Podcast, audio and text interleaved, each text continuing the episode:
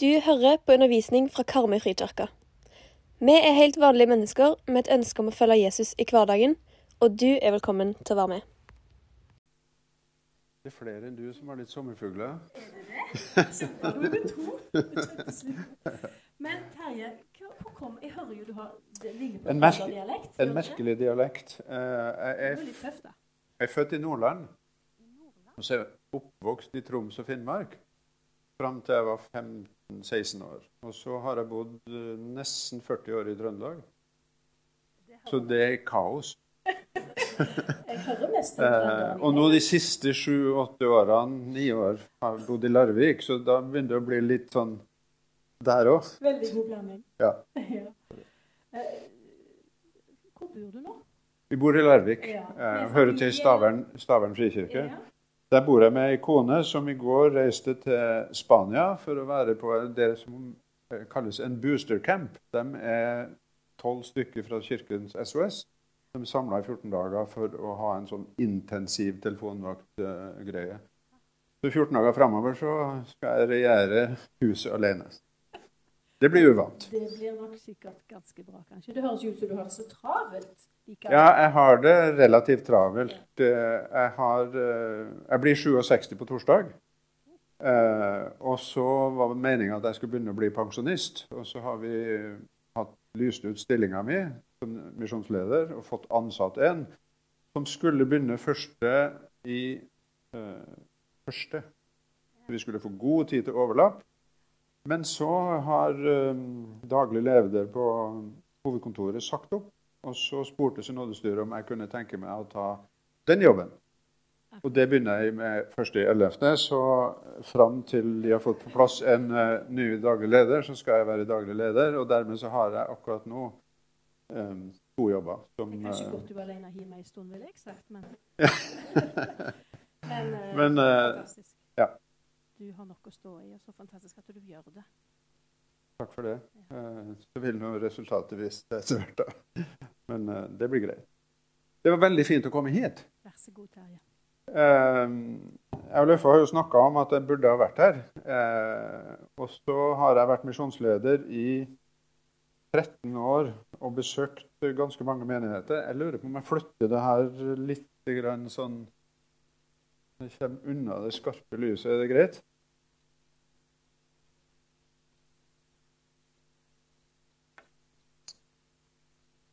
Sånn. Alle ser og hører nå? Ja. Eh, veldig fint å være her, som sagt. Eh, og egentlig på høy tid. 13 år som misjonsleder, og så har jeg ikke fått besøkt dere før. Eh, men det er mange menigheter jeg ikke, eller en del menigheter jeg ikke har fått besøkt. Og så blir det faktisk den siste som misjonsleder, for som sagt så slutter jeg om 14 dager. Så eh, det er hyggelig. Når jeg er rundt og taler i menigheter, så vil jeg veldig gjerne snakke om misjon.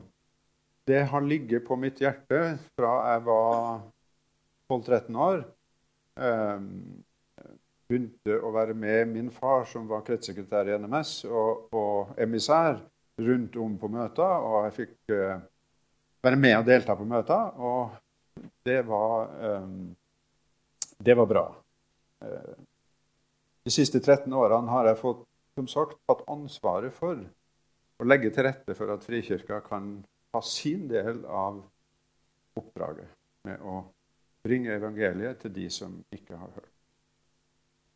Og det har vært en, en uh, testreise. Eh, det er sånn at eh, når en får være ute og besøke folk som enten nettopp har kommet til tro, eller jobbe med at folk skal komme til tro, så blir en berørt. Eh, så det har vært, eh, det har vært en, en, en fin greie for meg. Eh, så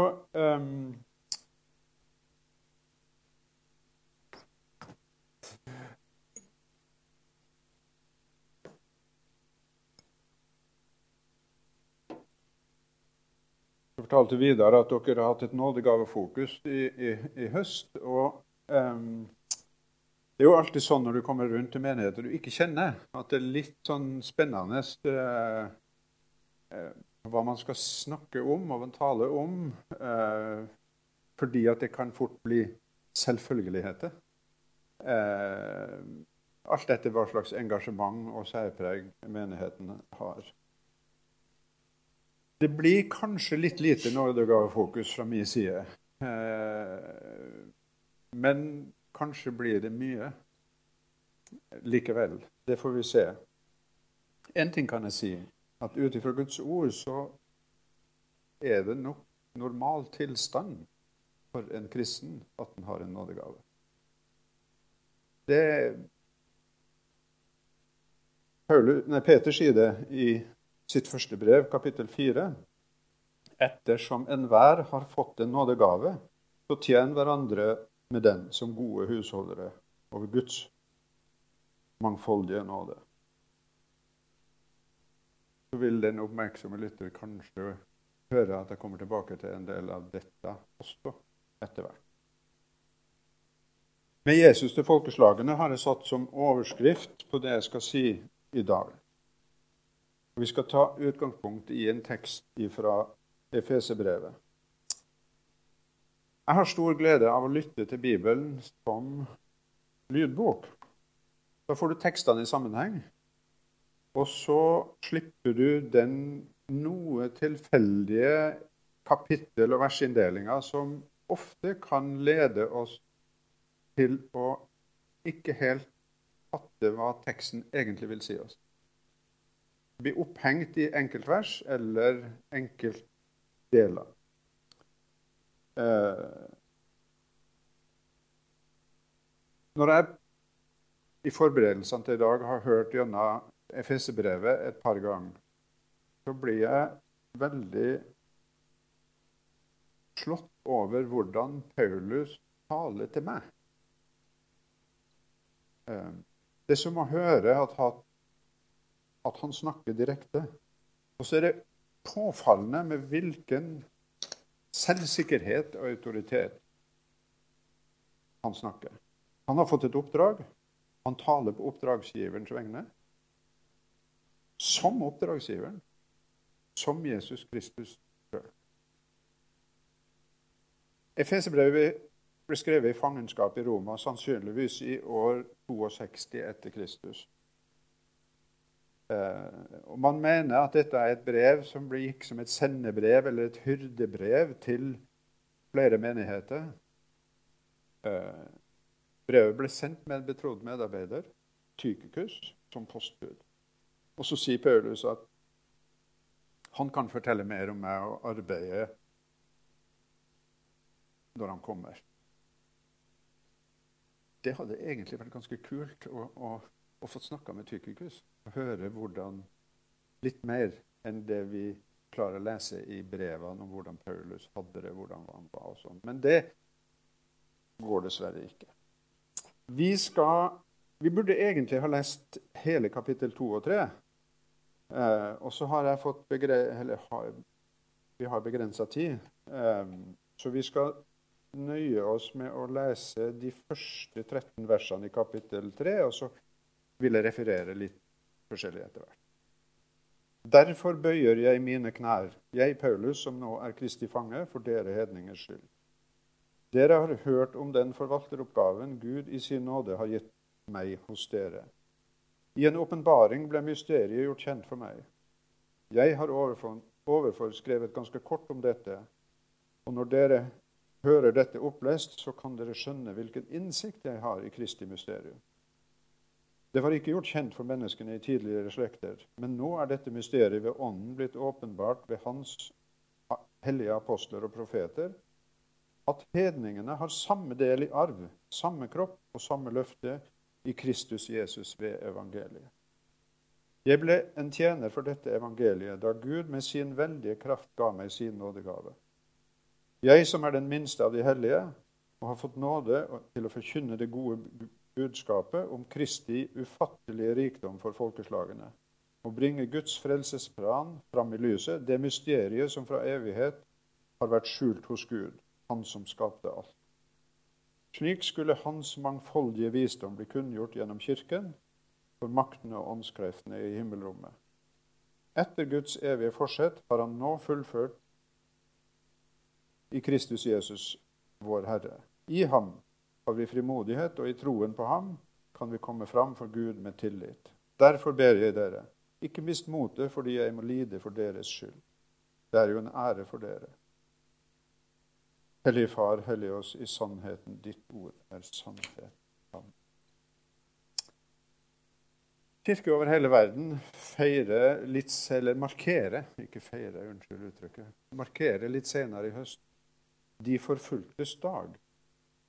Mist ikke motet, sier Paulus. Mist ikke motet fordi jeg må lede, lide for deres skyld. Akkurat den biten tror jeg vi må la ligge i dag. Men temaet lidelse og forfølgelse og prøvelser som følge av at vi er eh, Guds barn, er så stort og omfattende at vi kunne nok bruke en hel serie med prekener eller taler om det. La meg bare ganske kort si litt om det som for mange av oss i Vesten er både ukjent og kanskje litt skremmende. Jeg reiser mye rundt om i forskjellige land som misjonsleder og møter mange folk som opplever en helt annen hverdag enn det vi gjør i forhold til å følge Jesus. Um, I boka 'Lydighetens galskap', skrevet av en amerikansk misjonær som var i Somaliland eh, for en del år siden. Han reiste rundt i det meste av verden og intervjua kristne om prøvelsen. Han kom en, i en situasjon hvor han opplevde anfektelse eh, fordi at han som Jesu etterfølger og disippel ble prøvd. Han intervjua over 600 mennesker, og det er noe av bakgrunnen for boka. Og Det interessante er Han påpeker at ingen av intervjuobjektene ba om hjelp eller forbønn for å slippe lidelse, for å slippe forfølgelse. Bønna, eller forbønnsbegjæringa, gikk på at de måtte være trofaste i lidelse. Og Det tror jeg er et viktig anliggende for oss å ha med oss. Jesus lova oss aldri fravær av lidelse, men han lovde sitt nærvær i lidelse.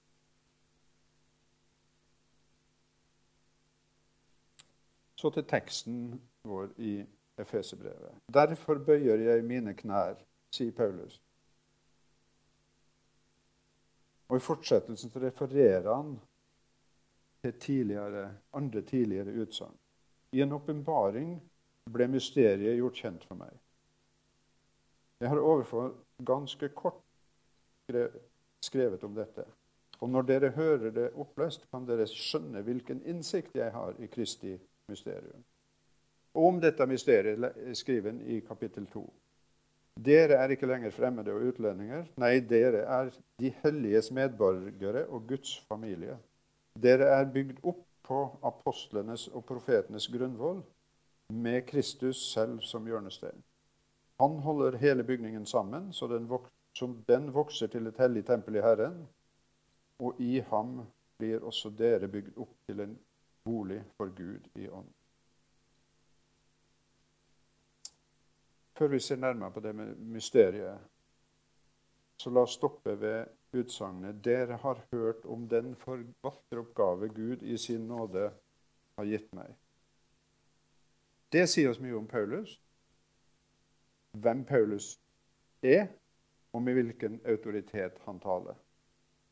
Og Hva slags forvalteroppgave er det han snakker om, og hvor har han autoriteten sin fra? I apostelgjerningene kapittel 9 så møter vi Paulus i Damaskus. Han sitter blind og fortvilt på tredje dagen etter å ha møtt Jesus i en åpenbaring på vei inn til byen. Og Han venter på at noen skal komme og fortelle ham hva han skal gjøre. Det var beskjeden han fikk i, i møte med Jesus. Og I vers 15 og 16 så finner vi Herrens ord til Ananias. Gå, for jeg har utvalgt han, Paulus, som mitt redskap til å bære mitt navn framfor hedningefolk og konger og for Israels folk. Paulus har altså sitt oppdrag fra Herren. Jeg har utvalgt han som mitt redskap. Alt Paulus sier og skriver, er på Herrens oppdrag. Kanskje bør det ligge som et bakteppe for oss i dagens teologiske debatt. Der enkelte synes å mene at man fritt kan velge og vrake i hva vi skal vektlegge og ta hensyn til av Paulus sine undervisning. Nok om det. Åpenbaringa av dette mysteriet, denne hemmeligheten, at hedningene, altså oss, like så mye som jødene skal få del, være Guds folk i Kristus. Det skjedde gjennom en åndens inngripen. Slik som vi hører det i fortellinga i apostelgjerningene 10 om hedningene sin åndsdåp i Kornelius' hus. Og så ble det bekrefta gjennom vedtaket som ble fatta på kirkemøtet i Jerusalem. For dere som vil lese, så kan dere lese om det i apostelgjerningene 15. Der kunne man si Den hellige ånd og vi har besluttet at også hedningene har del i evangeliet. Det skjedde gjennom hele forståelsen av Kristi døde oppstandelse som ble inspirert av Ånden. Det er denne forståelsen som holdt oppe apostlene og profetene sin forkynnelse. Den store hemmeligheten Paulus taler om for oss, er blitt nesten en banal sannhet. For oss er det sjølsagt at alle folk skal ha rett til frelsen i Kristus. Ja, men Efeserbrevet kan også gi oss en nyttig påminnelse om at dette fantastiske det er en helt utrolig og ufortjent gave. At også vi, nordmenn, har fått arverett til Kristi lik. Vi er blitt innlemma i Kristi legeme, og vi har fått del i løftene som gjaldt Israels folk. Guds hemmelige plan er blitt åpenbar, også for makta og myndigheter i himmelrommet. Og det er den blitt gjennom kirka, gjennom oss i generasjoner. Kirken som har Kristus som sitt hode, og som viderefører oppdraget som Paulus ble tildelt. Fra sin himmel så styrer han sin menighet og sender sin ånd og sitt ord. Han står i en levende, organisk forbindelse med sine lemmer på jord. Oss som budbringere for evangeliet med Jesus til folkeslagene. Og hvordan forvaltes så vi det oppdraget vi har fått? Bl.a. artikulert i misjonsbefalinga. Nå vet jeg ikke hvordan dere har det. Men i mange av våre menigheter og i mye av misjonshistoria så har vi kanskje gjort det slik at vi har sittet inne i våre kirkerom og sagt 'kom til oss', 'bli som oss', 'bli kristne'. Men der ute Der er det å bli kristen både utfordrende og kanskje helt uaktuelt. Jeg pleier ofte å si det må de bli kristne for å tro på Jesus?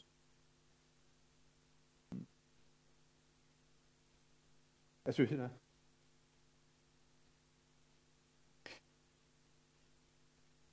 Og, og dette at vi ofte inviterer folk inn til oss istedenfor å gjøre det som virkelig står der.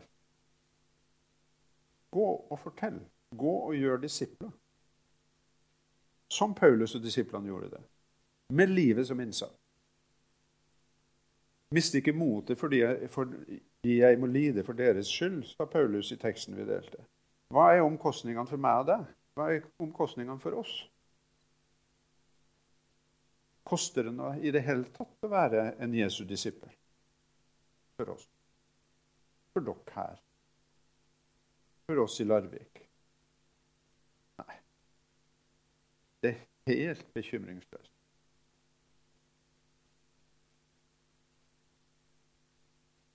Med Jesus til folkeslagene, til de unådde. Hvor er de? Og hvordan når vi dem? Er folkeslagene noe der ute? Noe Dere ber for Japan. Det er særlig fokus på Japan. Og det er fint. Men uansett hvor de er, enten det er der ute eller det er naboen, det er oppdraget gå og fortell.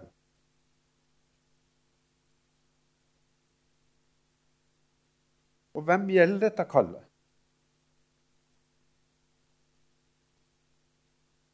Alle. Absolutt alle.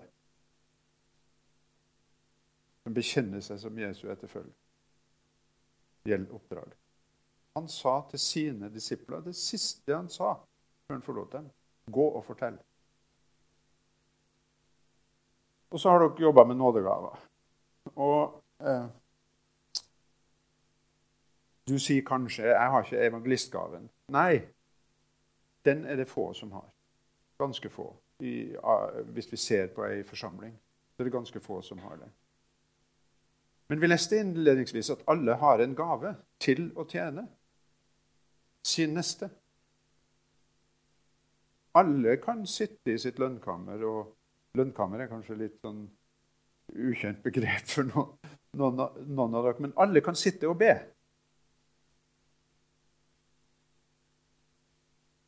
Hvis du, Vidar, ikke nevner naboen din for Herren, hvem gjør det da? Hvis jeg ikke nevner Morten, som bor tvers over veien for meg, sitt navn for Herren, hvem gjør det da? Om dere ikke husker noe annet fra i dag, så ta med dere det.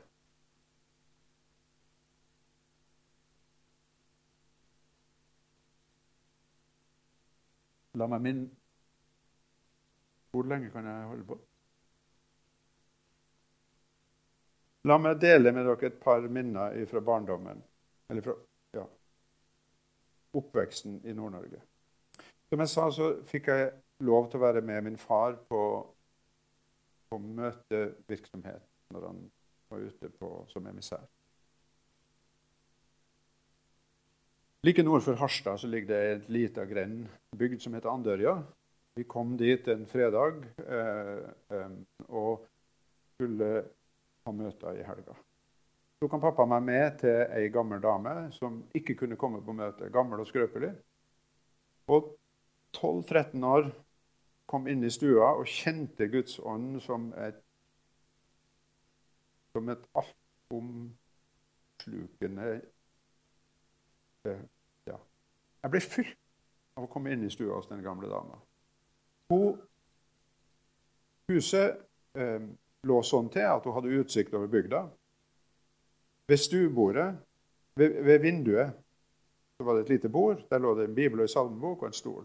Der satt denne gamle dama og nevnte naboene, bygda, for Herren hver dag.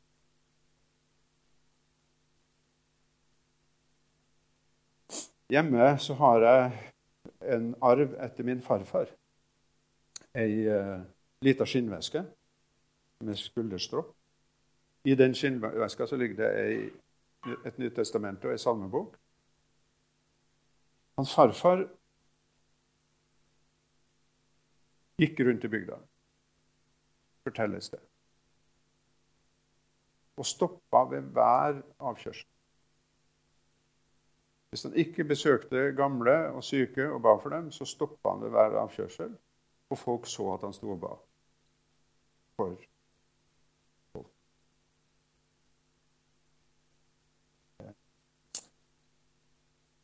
Magnus Malm sa det en gang. Smaker livet ditt av Kristus? Bare ved å være?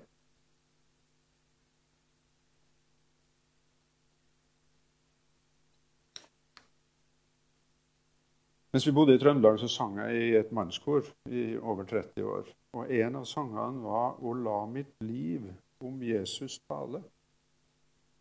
At hvor som helst jeg går, i glimt av Jesus går, som viser vei til himmelens hav. Ved å være, ikke nødvendigvis med å si.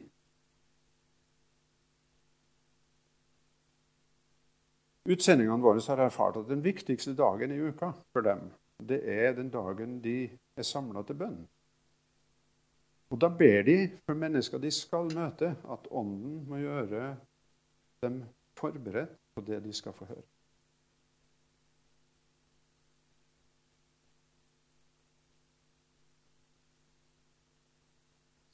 Jeg nevnte farfar som gikk bønnevandring i bygda. Kan det være en inspirasjon til dere som menighet? Enten dere jogger eller går eller hva dere nå måtte gjøre. Nevn naboen for Herren. At han eller hun må få til Jesus.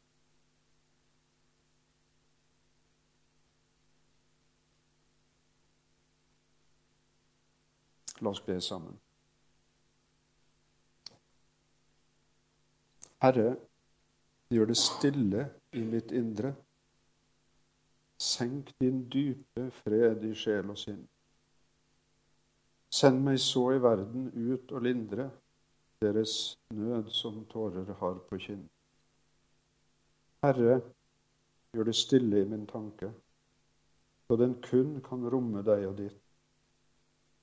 La meg så til bange sjeler vanke og fortelle dem hva du har litt. Gjør det stille om meg her på ferden. La meg være en av dine små, som kan ydmykt vandre fram i verden med litt sol hvor dagene er grå. Herre, gjør meg stille. Herre, ta meg som den minste tjener i din flokk. Kun når mitt eget ligger bak meg, i din nåde har jeg mer enn nok. Amen.